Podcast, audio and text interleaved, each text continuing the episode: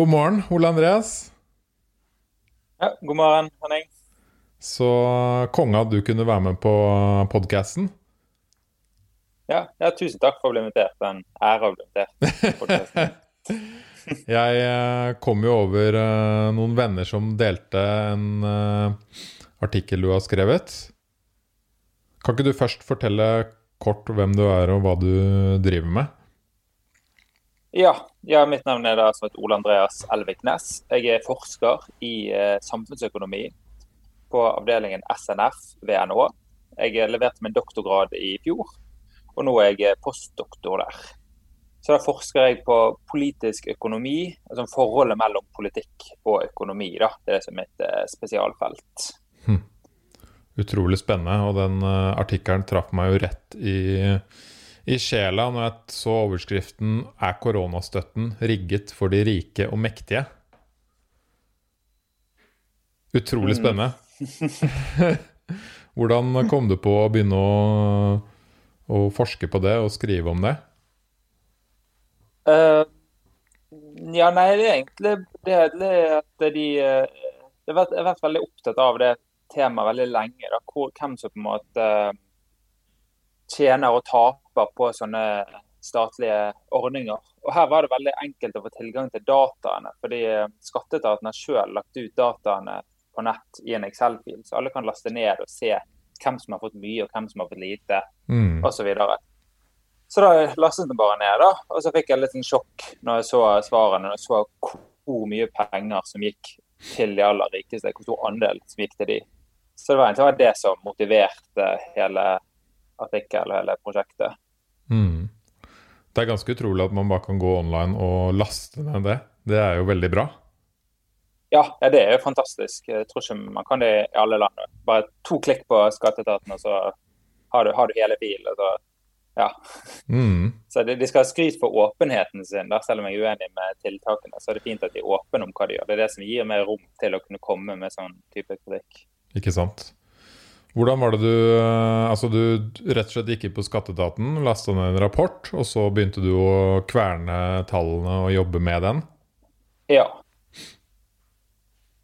Det var det jeg gjorde. Og da ble det veldig tydelig med en gang, hvis du bare så liksom, på de, de største enkeltbeløpene, da, hvor store de var. Og så så du, For de aller fleste norske småbedrifter får veldig lite i denne kompensasjonsordningen. Mm. Hvis du ser på utbetalt i antall kroner, så er det ikke så veldig mange tusen kroner som de fleste av de får.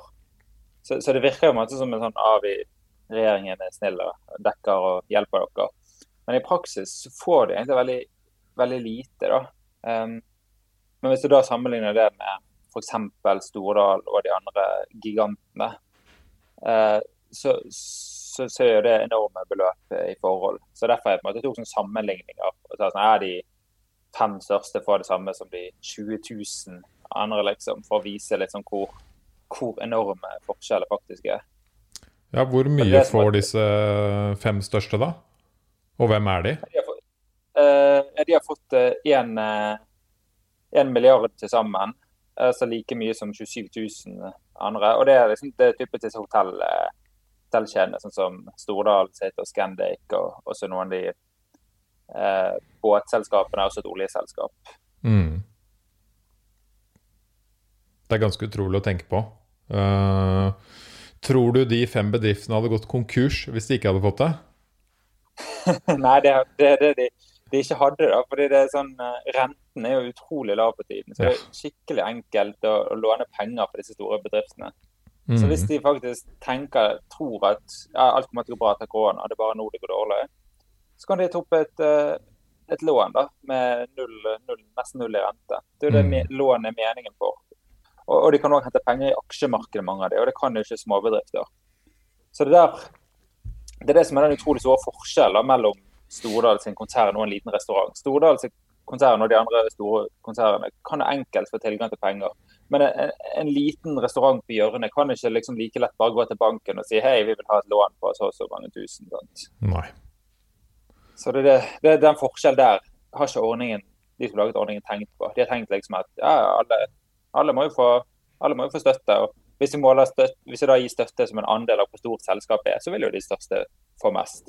Og de tror det er på en måte en naturlig måte å gjøre det på. Men det er jo det finnes utrolig mange måter man kan legge opp en ordning på. Det er ikke nødt til å gjøre det sånn som dette i det hele tatt. Ikke sant. Hvorfor tror du de har tenkt sånn når de har uh, gitt ut støtte? I begynnelsen i, i, mars tror jeg bare de hadde litt sånn uh, litt panikk. Bare noe med ting gjøres veldig raskt. Og dette ble laget veldig raskt òg. Uh, mm. um, så, så, da tenkte de bare ikke på alle disse tingene, tror jeg. da. Jeg vet ikke, men tipper det.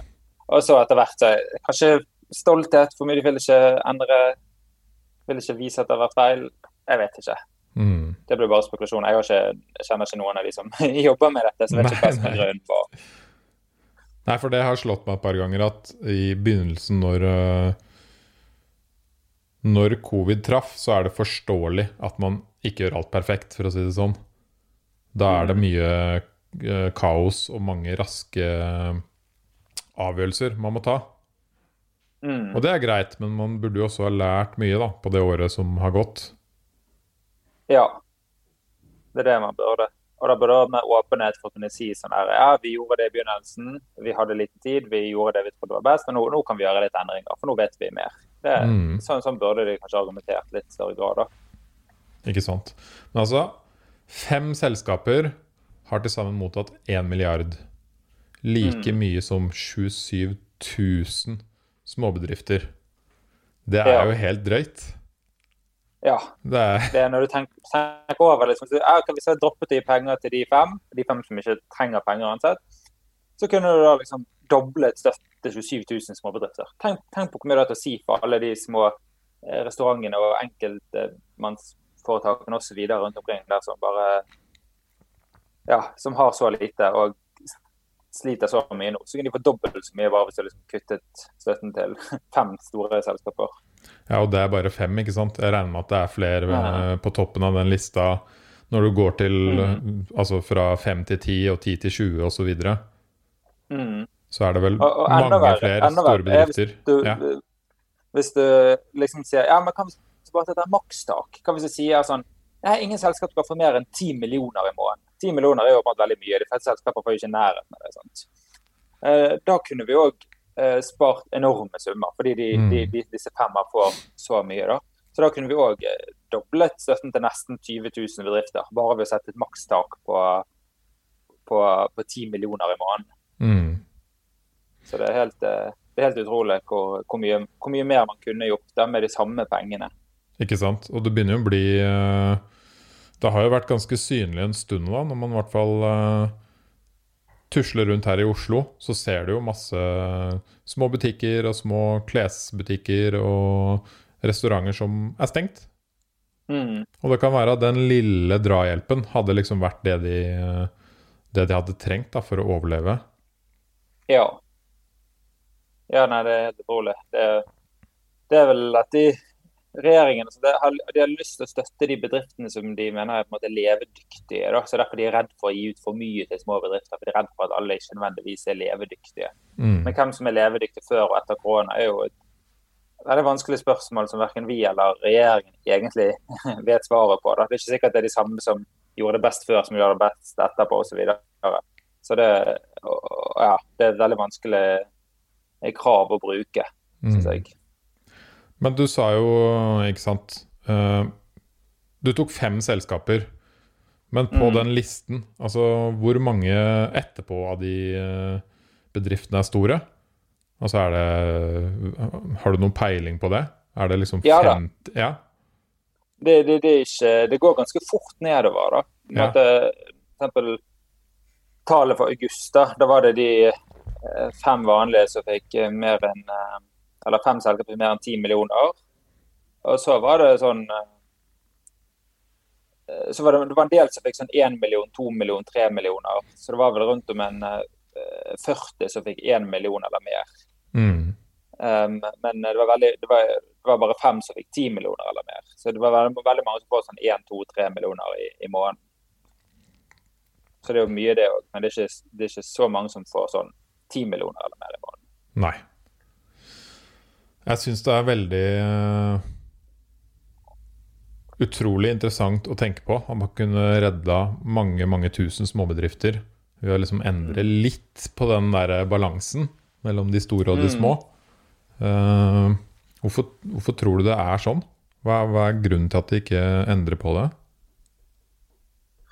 Uh, nei, så jeg syns egentlig ikke de har så mange gode, gode, Eller jeg vet ikke, de har sikkert noen gode argumenter som jeg ikke vet, men jeg sliter litt med å, å forstå eh, hvorfor, egentlig.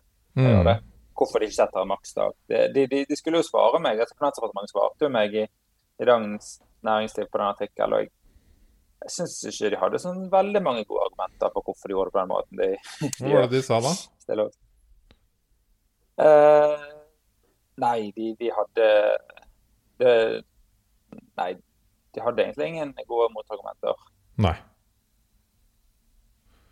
Jeg syns jo den eh, Det har jo vært sånn derre uh, aksjon her i Oslo som gjør det veldig tydelig, det vi snakker om her alle små uh, nisjebutikker på Grünerløkka og andre steder i byen har hengt opp sånne svære plakater foran på alle liksom, På mange av uh, inngangsdørene og glassvinduene sine, hvor det står liksom 'Støtt bedriften', 'Her kommer Carlings', 'Her kommer Burger King', 'Her kommer Hennes og Maurits'. Her er Rema 1000.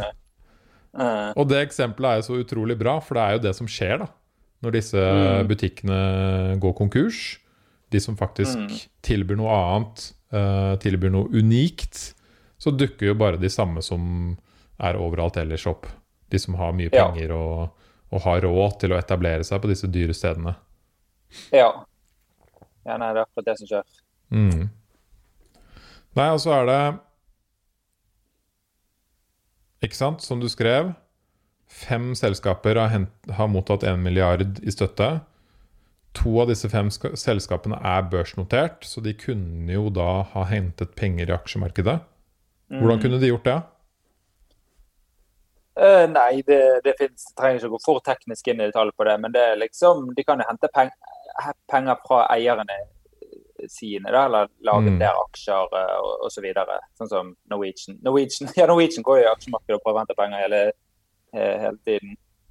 Um, så, så De det er mange typer strategier ja, som man kan bruke der. da. Mm. Så Det er jo liksom det inne på det andre som er på en måte skjulte, litt mer subtile poenget i denne støtten som ikke så mange som tar. det. og det at Når de gir penger til bedriftene, sånn som dette, så sies ja, dette er for å redde arbeidsplasser, arbeidsplasser, arbeidsplasser. Det er Alltid det argumentet man bruker. Men når du gir penger til et uh, konsern, så gi, det å gi penger til eierne. Det er eierne som får de pengene. Mm. De går basically rett inn på konto til uh, eieren. Så kan han gjøre det han vil med det. Han kan velge å skape arbeidsplasser med det, men han er ikke nødt til å bruke det på å skape arbeidsplasser. Sånt.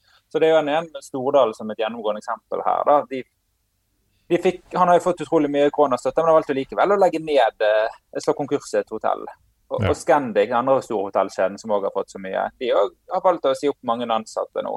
Mm. Så, så, det er ikke noe sånn grunn er fordi du får så mye støtte, da, da bevarer du arbeidsplassene. Det er en helt separat beslutning som de kan velge å gjøre eller ikke gjøre. Mm. Så det er litt sånn lureri i argumentasjonsrekken her.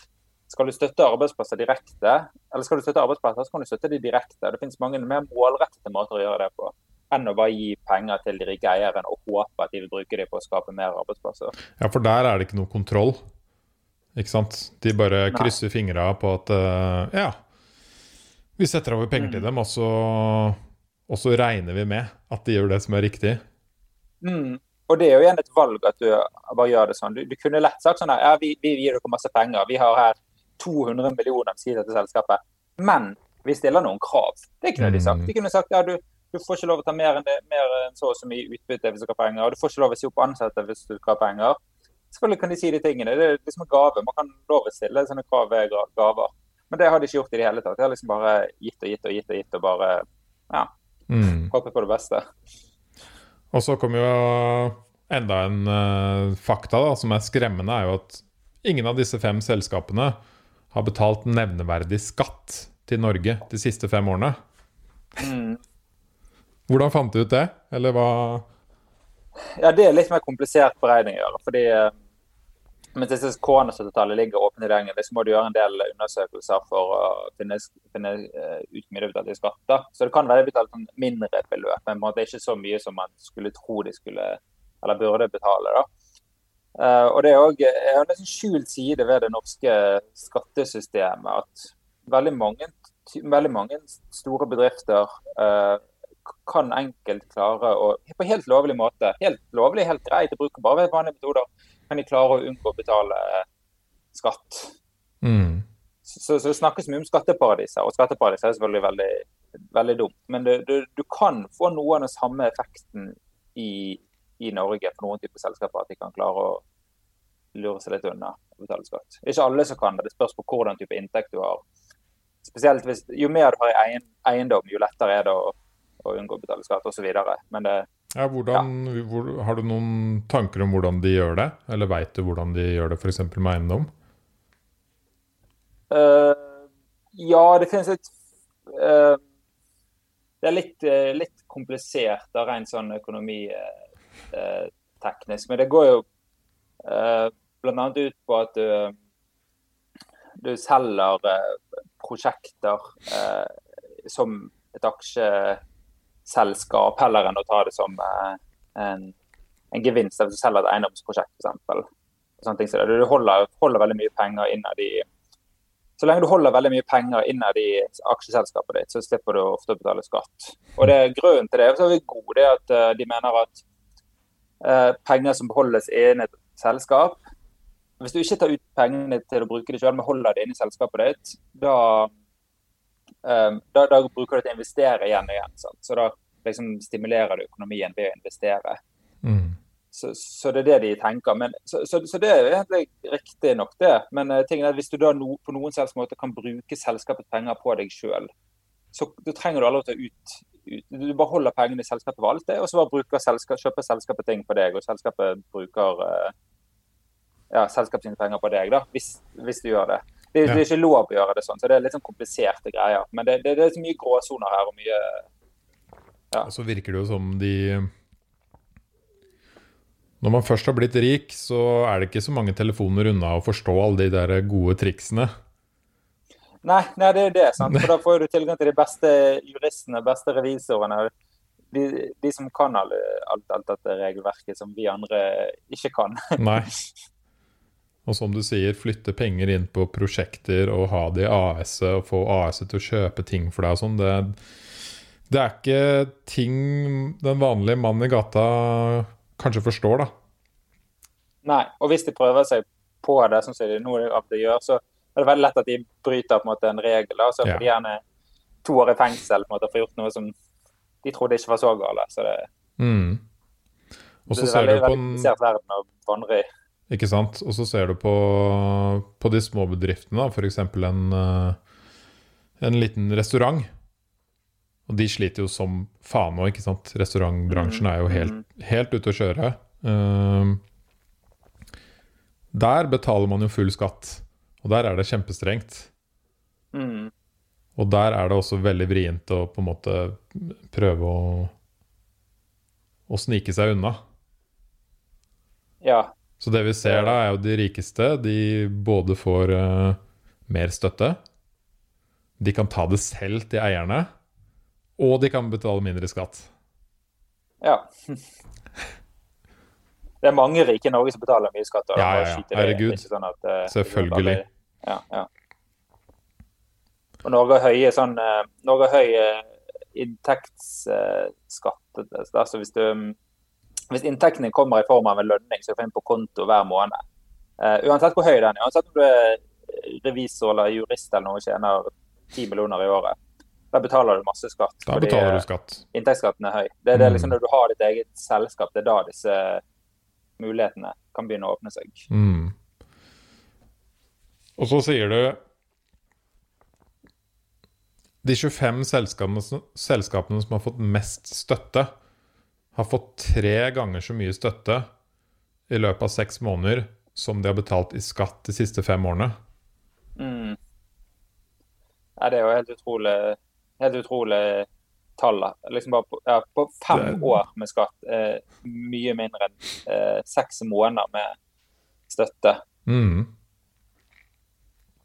Har du undersøkt Det var helt overrasket når jeg eh, fant ut av det.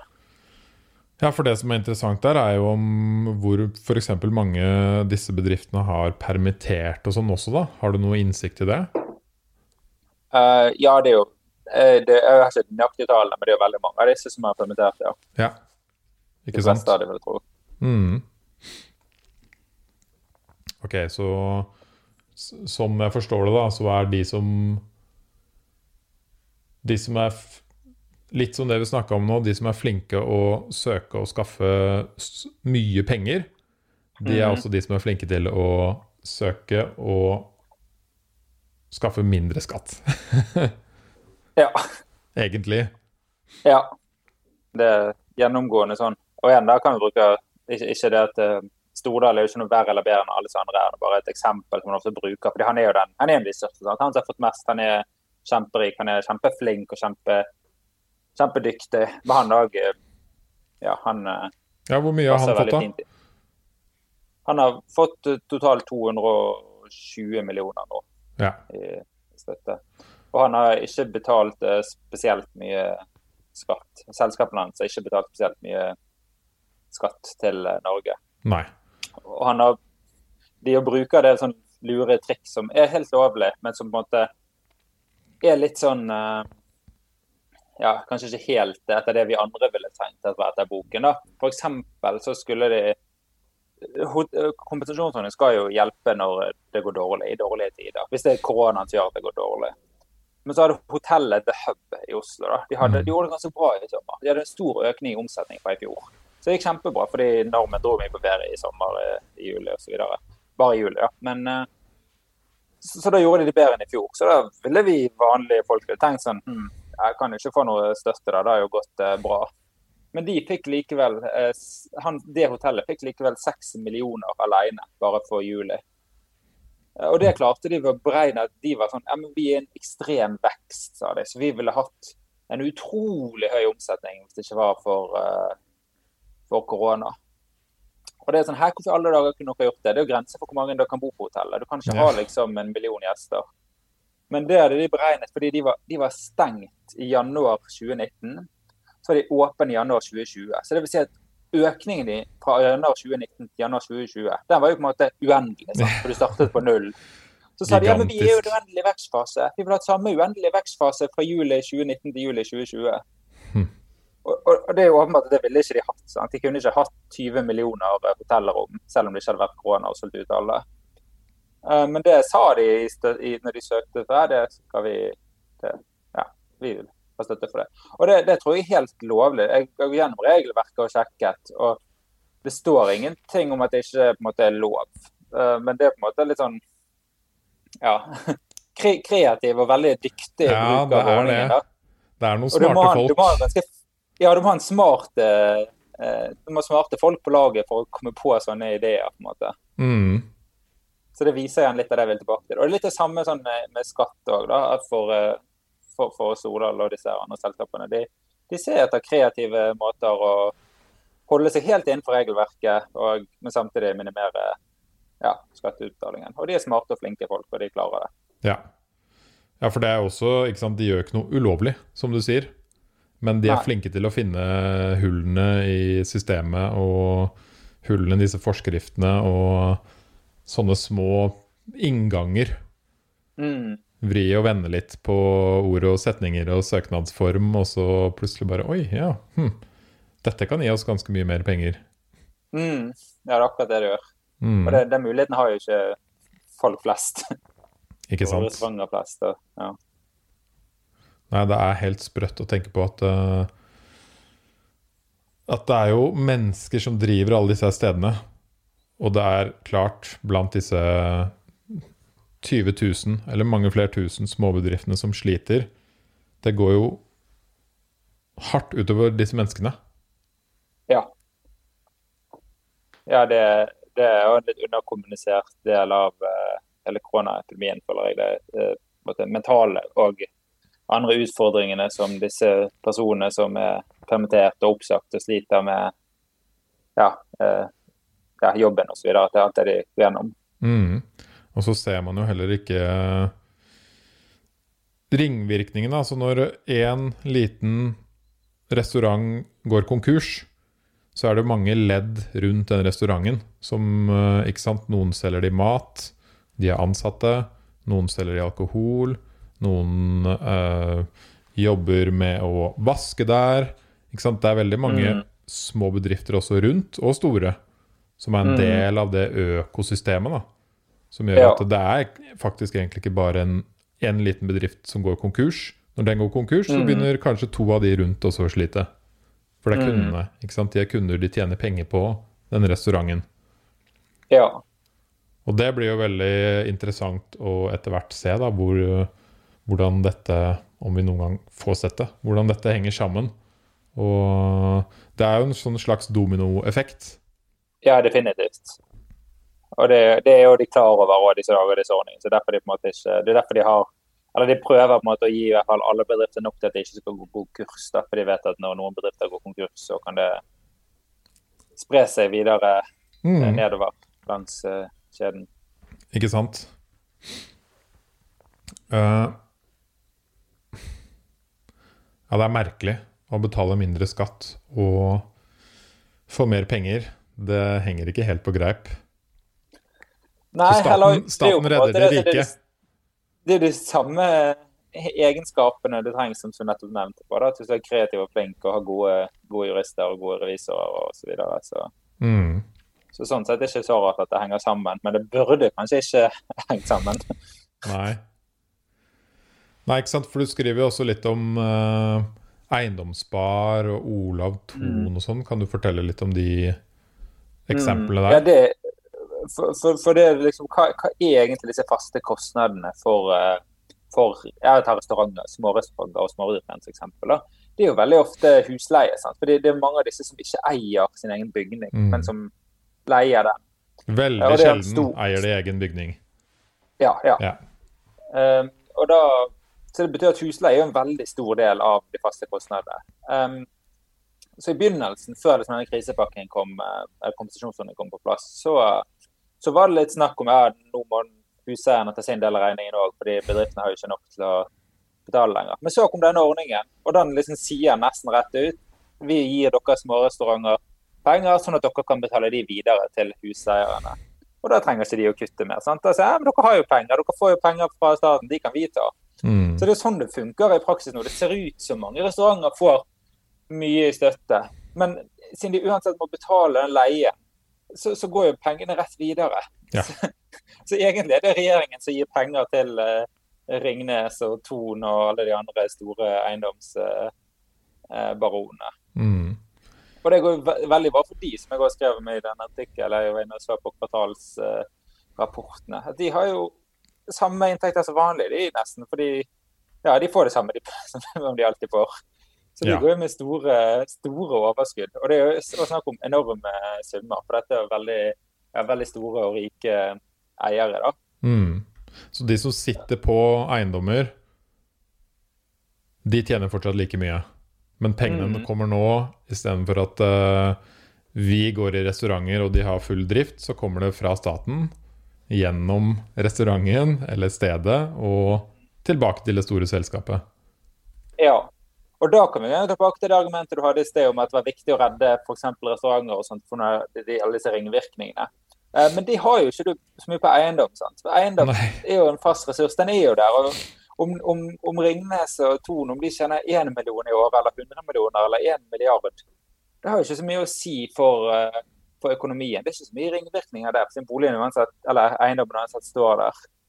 Eh, Så fra et samfunnsøkonomisk perspektiv så er det litt er det ikke optimalt at det, at, at det er de som At alle pengene ender opp hos de, da. Eh, Men sånn som det gjør nå, de har jo, går jo med enorme overskudd. eh, Ja. Mm. I tillegg det skjer blir jo også folk permittert, ikke sant? Og det er jo enda en utgift som, som staten må betale. Mm.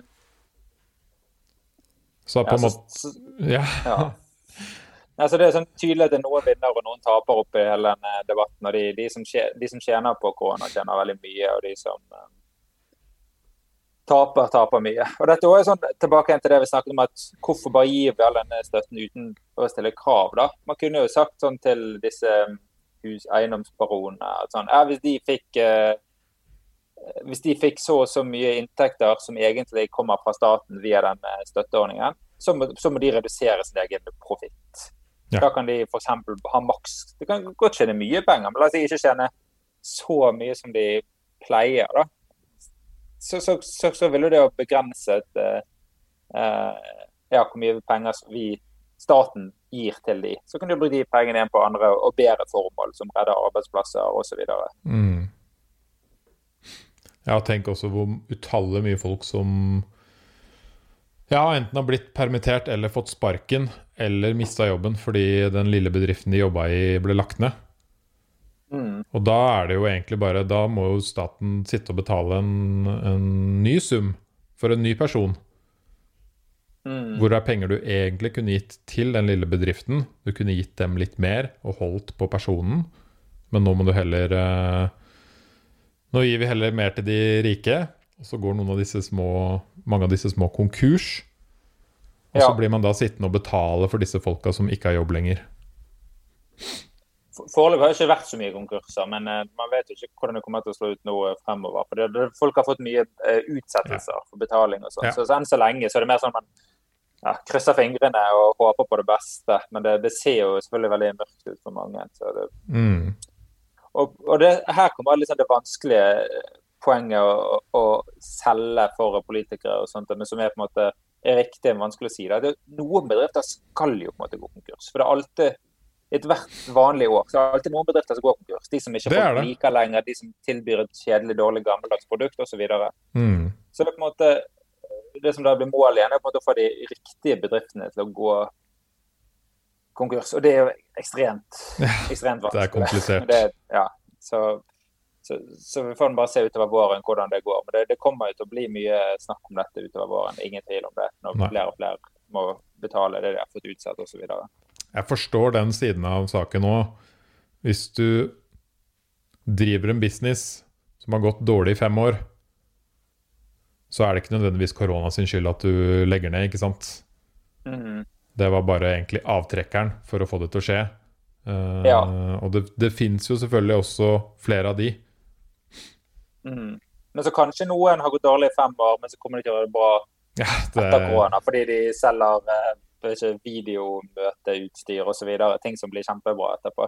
mm, Det er vanskelig å Ja, det er vanskelig å si. Så det er der vi, vi samfunnsøkonomer da, vi liker å si på en måte at eh, vi, ikke, vi ikke kan det. Vi vet ikke hvilke bedrifter som går bra og eh, dårlig. Derfor er det liksom markedet som skal bestemme det. da. Derfor, Mm. ikke, derfor er liksom økonomer generelt ikke så for å gi eh, for mye penger til eh, bedrifter, heller gi penger til eh, folk enn bedrifter. Sånn, ja. Men noe som har slått meg flere ganger under denne pandemien, er at er det rett og slett for kompleks for politikerne til å liksom legge merke til alle disse små tingene? Tror du det er det som gjør at vi ser sånne skiller og sånne utfordringer? Eller eh, Ja, ja Jo, jeg tror det er veldig Eller jeg tror ikke det gjelder bare korona. Jeg tror det gjelder veldig generelt. At måte, samfunnet er jo utrolig komplisert. mm, Regelverket er utrolig komplisert. Jeg er jo økonom, men jeg forstår jo ikke halvparten av skattereglene i Norge, sant? selv om jeg er doktorgrad i økonomi. Så hvor- hvor- hvordan kan jeg kreve at en politiker som gjerne ikke er økonom, eller de fleste politikere er jo ikke økonomer, hvordan skal de forstå noe som ikke jeg med doktorgrad i økonomi forstår? Sant? mm, er jo, samfunnet er veldig vanskelig, er veldig komplisert. og Sånn er et moderne samfunn. Og da, da er liksom løsningen at du må finne ut hvem du på en måte hører på. Da, fordi noen, Du må stole på de ekspertene som kan noe om det i det området. Og, og det er der liksom det vanskelige kommer inn. Fordi eksperter har jo ofte sin egen eh, bias i tillegg. Det er noe de vil. De representerer en eller annen eh, organisasjon eller bedrift eller osv. Så, videre. så hvis du på en måte er politiker, så vet du at alle som kommer til deg med råd, de på en måte har sin egen interesse i tillegg. Så, så er det veldig komplisert. Så det er det vi ser nå i koronatider òg. At regjeringen prøver jo å lytte på, på, til næringslivet, f.eks. Fordi næringslivet kan jo veldig mye om næringsliv. Men samtidig har jo også disse næringslivsorganisasjonene representerer jo òg sine egne interesser, sant? og ikke samfunnets interesser. Så for en politiker å skille mellom de tingene, det, det er veldig vanskelig. Så jeg skjønner godt at det ja, jeg skjønner godt at det innimellom på en måte blir lurt da, av, Mm. eh, av folk. Ja. Ja, for det kan jo være at du rett og slett har uh, klart å grave opp en eh, et problem, da, eller en, en, eh, en fakta som de ikke klarte å se i alt kaoset av informasjon og penger og skatt og folk og alt som skjer. Ja. Ja, det, det, det er godt. De hadde det veldig travelt. Og, så var det med at liksom, ja, kan du høre på, da, fordi når de satt der og skulle lage disse um, regelverkene, så kom jo f.eks. Eh, Petter Stordal på banen og sendte tekstmeldinger til finansministeren og sånt.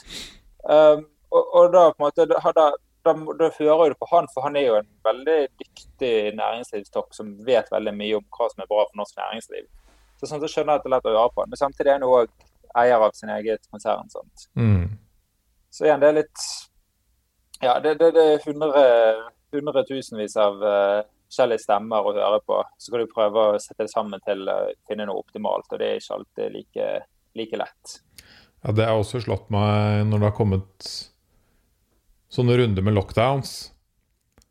Så kommer det folk og sier ja, men hvorfor måtte du stenge den typen restaurant, liksom? Eh, den kunne jo vært åpen. Eller hvorfor måtte du stenge den type den type butikk. Det går jo helt fint. Og så tenker jeg sånn Jeg tror egentlig ikke det er utfordringen. Jeg tror bare at de ikke klarer De klarer ikke å liksom både stenge ned og komme med 200 forståelige forskrifter og regler på at uh, hvis du har en sånn restaurant, så går det greit. Hvis den er mindre mm. enn sånn, så går det ikke greit. Hvis du har plass til så mange, så går det fint. Men hvis det er en kjeller, så er det umulig. Ikke sant? Det er så mange mm. ting å tenke på. Ja, det er det akkurat det. det. det. er ekstremt vanskelig for de, og så skal de prøve å lage noe så bra som mulig. Og så vet jeg liksom at de, de som akkurat faller utenfor en eller annen regel eller ordning, de kommer til å klage og si det er urettferdig som vi får når en annen får, osv. Og, så og så går det på repeat, og sånn har det gått i et år nå. Mm.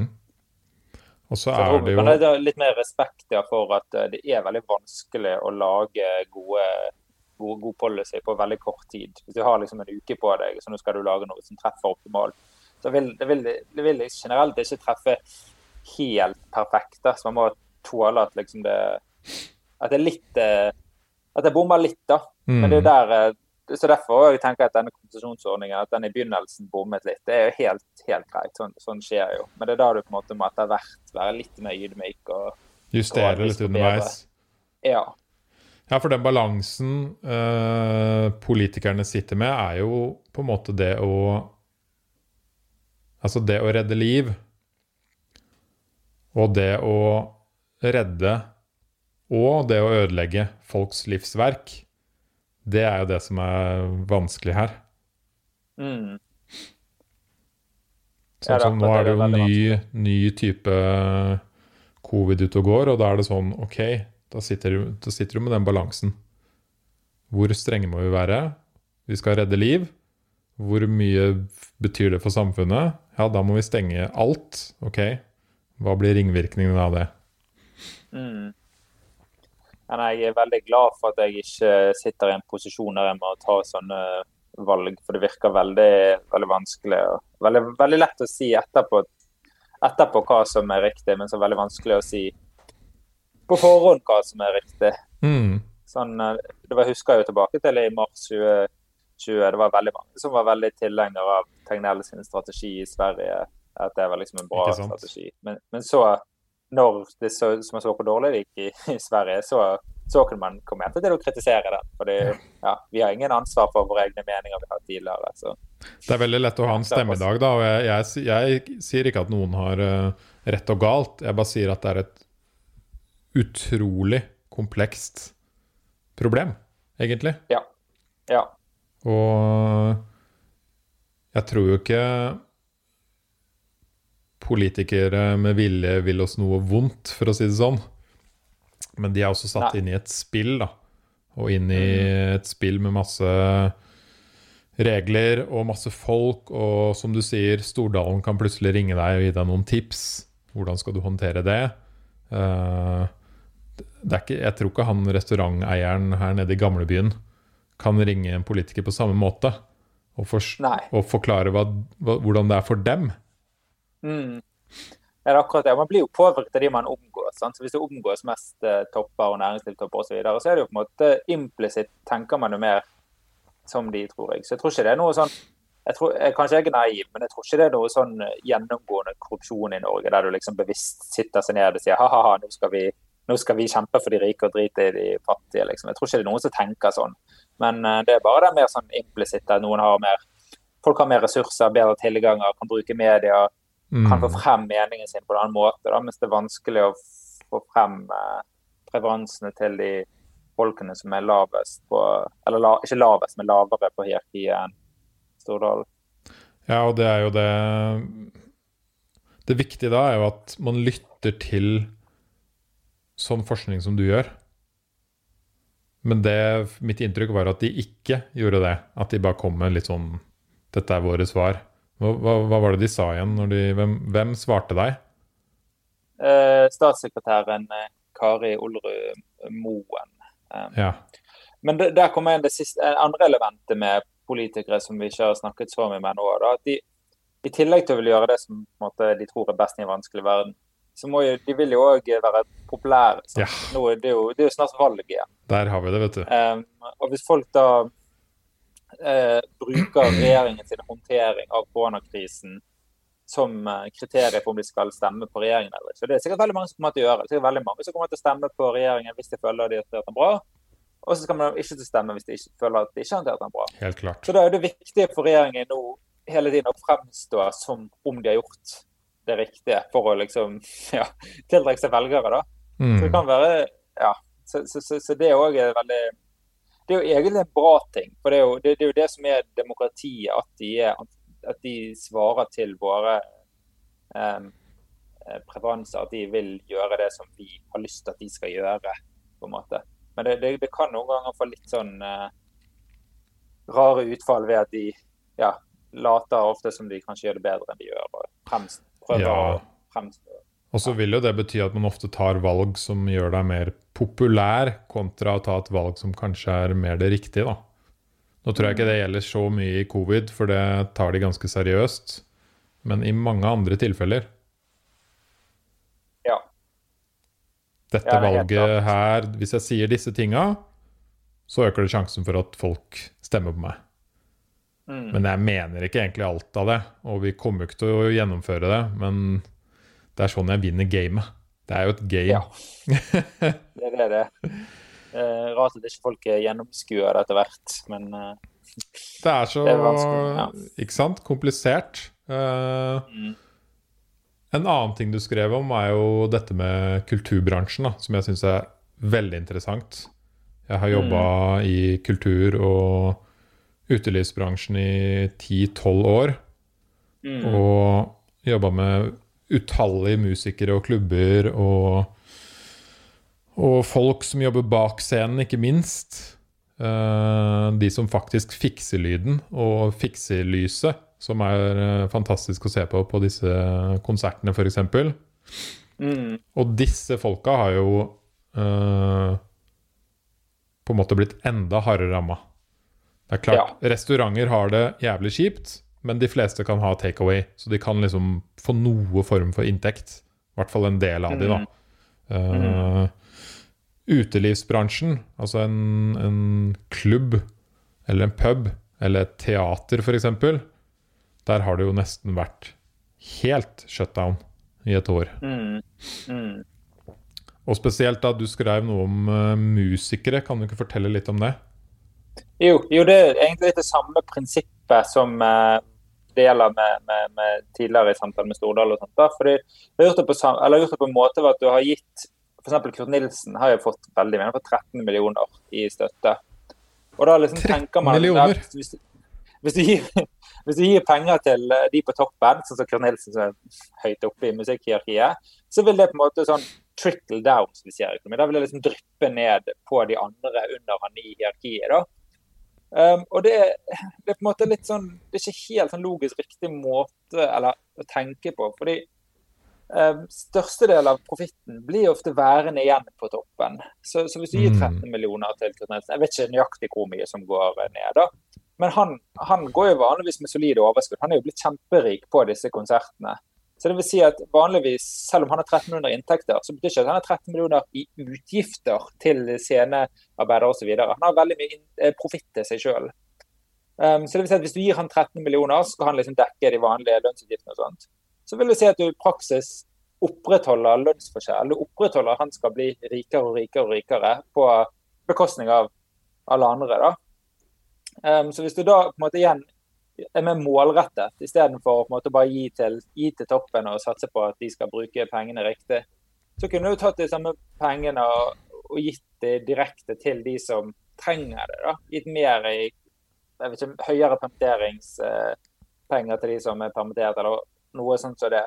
Fordi han trenger jo ikke Samfunnet trenger jo ikke at Kurt Nilsen får mer penger. Det er selvfølgelig veldig bra for Kurt Nilsen. og Hadde vært evig penger, så hadde det selvfølgelig gitt så mye penger til Kurt Nilsen vi bare ville. Men uh, samfunn må jo prioritere. Vi har jo ikke så mye, vi har jo ikke uendelig med penger. Selv oljepengene har jo ikke uendelig av å Vi tar jo fra fremtidige generasjoner når vi bruker de. Så, så hver eneste krone vi bruker, må jo være uh, mulig å forsvare. Så, så, så, da er det spørsmålet hvorfor vi skal gi så mye til ja, toppene. Kurt Nilsen. Istedenfor ja, for å gi dem til det er helt ansatte, utrolig. De, de som jobber foran. på en måte.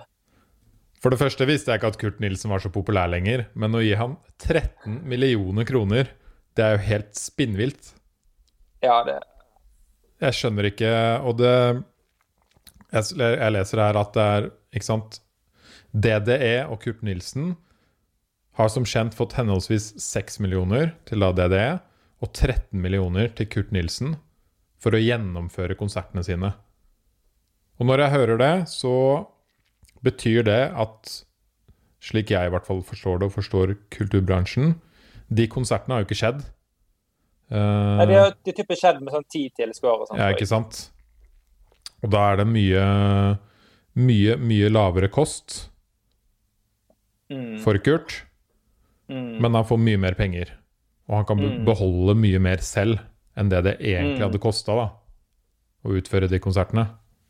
Ja, jeg skulle likt å sette regnskapet etterpå, hvor, hvor, de pengene havnet. Hvor mye som ble brukt på, på, ja, på, forskjellige Hvor mye som dryppet ned på de andre da, ja. i hierarkiet. Ja, Kurt, hvis du er der ute, step up. Fortell oss hvor de 13 millionene gikk. Det... Igjen da, det, for, for jenter, Nå blir det veldig gjenta det samme. Ja, det er viktig, det. Fordi det, det er jo liksom samme prinsippet her. at um, det, Han har ikke gjort noe galt i det hele tatt. Sant? Hadde jeg, hadde jeg eh, kunnet bare søke om 13 millioner, og så hadde jeg fått det. Hadde, hadde jeg sikkert gjort det, jeg, og alle gjør jo, gjør jo, det. Det er jo mm. ordningene her. Folk er Det er de vi må, må, må gå etter, da. Ikke, ikke, personer. fordi Vi må bare anta at alle søker etter de pengene de kan få. Jeg tror jeg hadde gjort det, og alle vennene hadde gjort det. alle, ja. Så kan du gå inn på bruke to minutter på å sende en mail til Abiraja, og så får du 13 millioner. Det er jo en fantastisk uh, tidsbruk, det. Ja, og sannsynligvis litt sånn som Stordalen, da. Så er det nok bare å si, eh, ikke sant, i et møte med dine eh, revisorer eller advokater eller et eller annet, gutta og jenter, stikk og fiks dette her. Søk om penger for meg. Uh, lag en ja. helsikes bra søknad, og få den sendt inn. Ja. Legg den på rundt 15 mil, så får vi 13. Vet du forresten hvem som er eh, største eier i det selskapet som arrangerer disse konsertene med Kurt? Nei. Eh, Petter Stordalen. Ah. Petter Stordalen sa bare gå og fiks det for Kurt òg. Ja. Det funka for meg. Fiks det for Kurt. ja. Nei, jeg syns det er helt drøyt. Og så skriver du et veldig godt poeng etterpå, da. Uh, for der skriver du Artistene Sigrid og Alan Walker har søkt om henholdsvis 3 og 4 millioner som kompensasjon for tapte inntekter fra i sommer. Man kan spørre seg selv om det ville vært bedre å støtte 40 ungdommer, eller da musikere, som satser på elektronika med 100 000 kroner hver, enn å gi 4 millioner til folk som allerede er mangemillionærer. Mm. Og det der treffer jo meg veldig i hjertet, fordi jeg jobber jo med masse artister innenfor elektronika. Uh, og jeg har vært i den scenen i mange, mange år. Og jeg veit at dette er ikke folk som nødvendigvis har veldig mye ekstra penger på kontoen. Uh, ikke sant? De lever for uh, mye for helgene, de har en sidejobb. Men de brenner for musikken. Det er liksom livet deres. Det, det er det de elsker å drive med. Mm. Men nesten ingen av de har jo fått støtte i det hele tatt. I hvert fall de jeg har prata med. ikke sant? Mm. Ja, det er akkurat det da, som er det gjentagende poenget. At det er mye, ofte mye bedre å gi penger til de som har lite, de som har mye. Fordi de, de, de trenger rett og slett eh, de trenger rett og slett mer. Og da, da får de mer Mm. nytte av det. Da får samfunnet mer nytte av det. Hvis du har da 40 talenter som liksom normalt ikke kan satse for fullt på musikk eller et eller annet fordi de ja, em, ikke har penger, så hvis de da får 100 000, så kan de ta noen måneder fri og bare satse på musikken. Kanskje en av de er et supertalent og gjør noe blir kjempestor. Og det er åpenbart at det, det, det virker for åpenbart at det gir samfunnet mer enn om Ella Walker, som er superrik, skal få fire millioner til. Han, han satser allerede, og han setter ikke noe å si for hans musikkproduksjon om han får fire millioner mer eller Nei. ikke. Og her kan vi snakke om uh, La oss si at du hadde gitt det til eh, mange hundre unge eller eldre ny, nye musikere, da. Nyetablerte musikere. Om det bare kommer liksom 10-20 ut av det, så er jo det fantastisk. Mm. Ikke sant?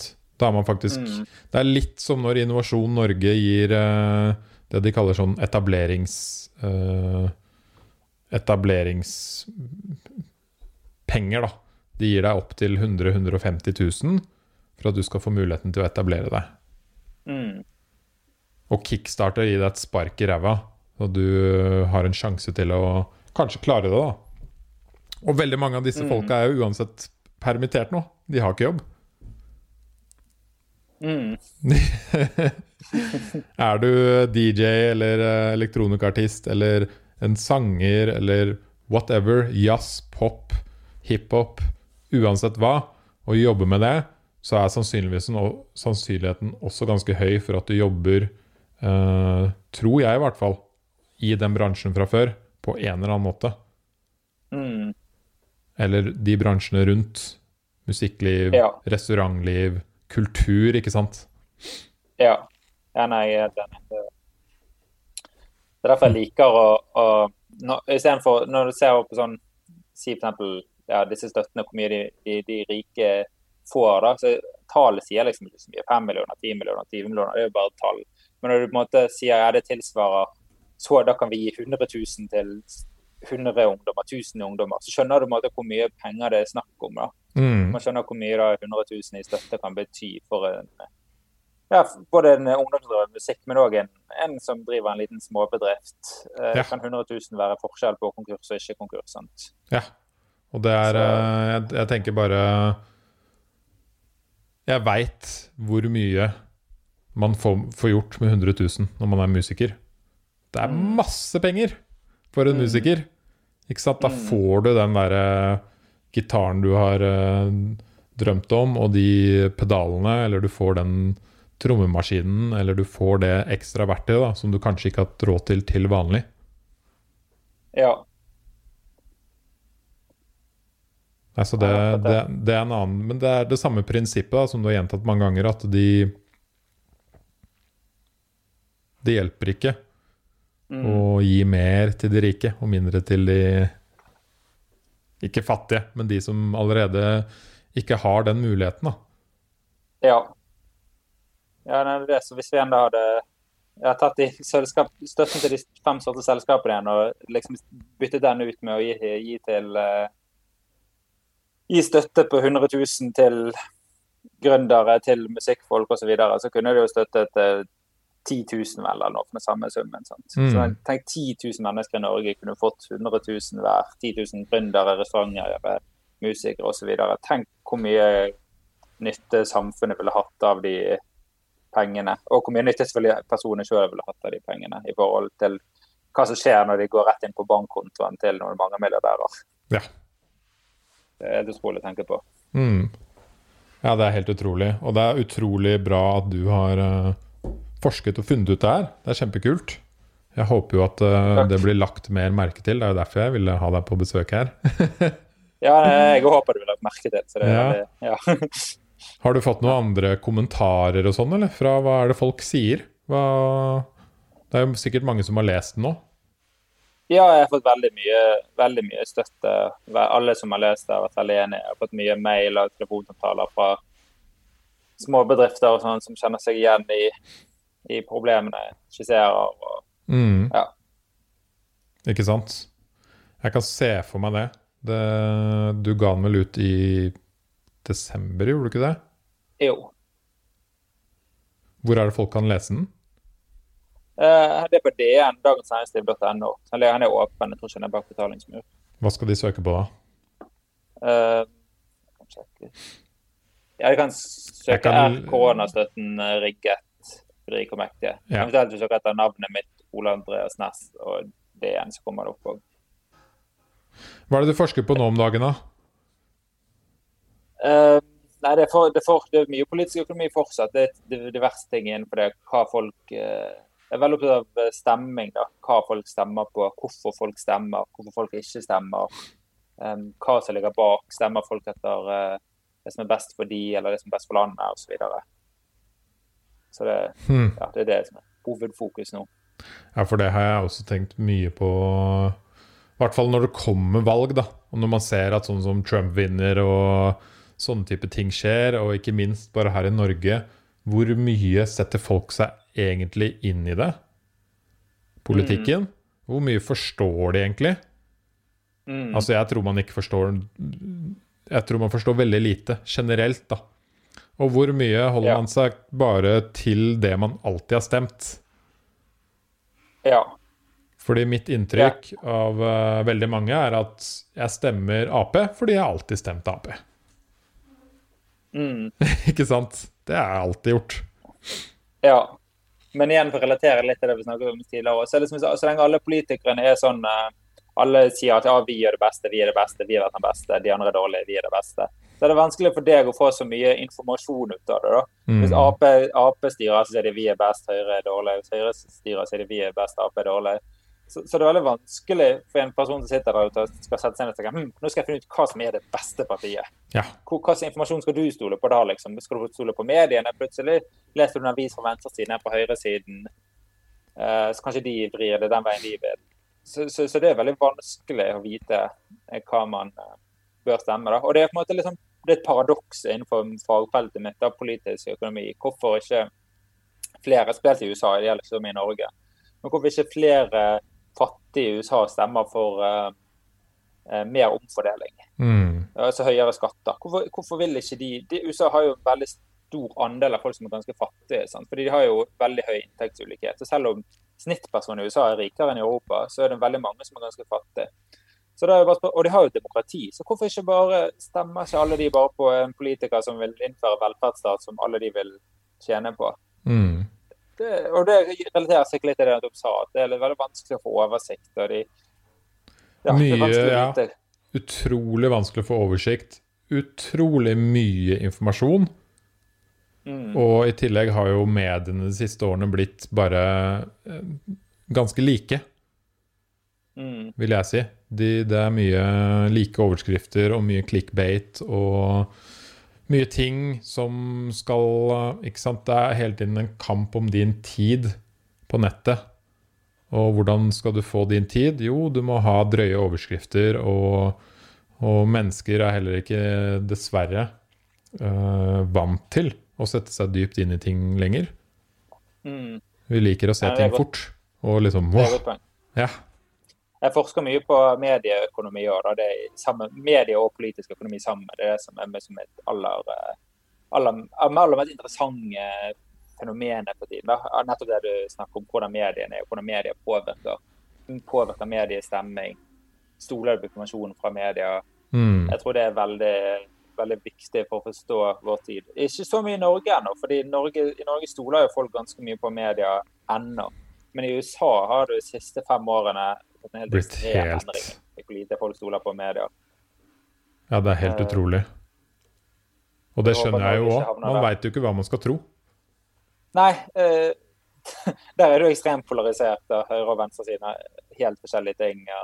Man vet aldri om ja, Selv liksom på venstresiden. og Du vet liksom ikke om deres mål er på en måte å få frem sannheten, eller om deres mål har vært å felle Trump, f.eks. Mm. Og, og på høyresiden mot det samme. Så, så, så det, jeg skjønner godt at hvis jeg hadde vært en spesielt en med litt mindre utdanning, ikke, så, ikke tenkt så mye på politikk før, og så sitter man nede i USA og tenker ja, nå skal jeg åpne en avis og finne ut hva jeg bør stemme. Ja. Så det er helt umulig. sant? Da sitter jeg med New York Times i ene hånd og Fox News i andre hånd. Så. Men det er heller ikke så lett i Norge, syns jeg. Og det tror jeg ikke veldig mange syns heller. Det, det er veldig Nei. mye likt, og så er det veldig mange Liksom måten jeg tror mange nordmenn eh, skal finne ut hva de skal stemme. Det er nummer én. Jeg tror jeg stemmer det jeg har stemt før. Det er trygt og greit. Nummer to. Jeg ser på noen debatter. Der får jeg mange Ja. gode svar. Og så ser man Ja. på de deba debattene ikke sant? På, på NRK, TV 2 og sånn, og noen av de er gode. Men du, du merker jo at det er mer eh, et større poeng ofte i de debattene å angripe hverandre og si hva de andre gjør feil, og liksom gå Mm. på Gå på litt sånn amerikansk måte å, å snakke på, da. Eh, og Mm. ikke minst, kanskje det jeg syns er verst, er at de svarer jo ikke på spørsmålet. Mm. Ja, det er det. Sånn lur politisk måte å svare på alt de blir spurt om. Ja. Det, du hører aldri ja eller nei hvis du får et Nei. ja-nei-spørsmål. Det er alltid en annen måte å vri seg unna på det. Ja, det er helt vilt. Og så sitter man igjen da etter en halvtime debatt og bare What the fuck var det som egentlig skjedde nå? Mm. Men jeg tror kanskje litt av der var noe av det så suksessen til Trump. da, At han, eh, han, han uttrykker seg i hvert fall tydelig. Det, man vet hva han uh, mener. Så når folk sitter der og er lei av alle politikere som bare svarer på politikermåten, alle svarer ja og nei, og så kommer han og bare skyter inn og snakker rett som en uh, nabo eller kamerat, liksom. Så jeg tror nok kanskje det appellerer, uh, Det appellerer til mange. Mm. Nei, men spennende. Du Jeg håper at folk som hører på den podkasten her, vil skrive en kommentar om hva de syns om dette. Eh, denne episoden blir jo også lagt ut på YouTube, så hvis du hører på, uansett egentlig hvor du hører på, så skriv gjerne en øh, kommentar til oss. Eh, fortell oss hvordan situasjonen er for deg eh, i korona, og hva du egentlig syns om denne situasjonen da, med at eh, slik koronastøtten er i dag, som vi har snakket om, så er den faktisk rigget for de rike og mektige, og ikke for de mindre bedriftene. Så gjerne skriv en eh, kommentar til oss, hva du tenker, hva du syns, eh, og subscribe gjerne til podcasten. Og så må jeg bare takke deg. Tusen takk for at du kom i dag. Tusen takk for at jeg fikk være her. Det var veldig hyggelig. Kjempekult. Eh, hvis noen vil finne deg på nettet, hvor er det du henger? Eh, på eh, Twitter og Facebook og Instagram og de vanlige. Ole Andreas Elvik Næss. Er det riktig? Ja. Det er riktig. Konge. Tusen takk for i dag, Ole Andreas. Eh, Tusen takk. Ha en fin dag videre. Du også. Ha det. Ha det bra.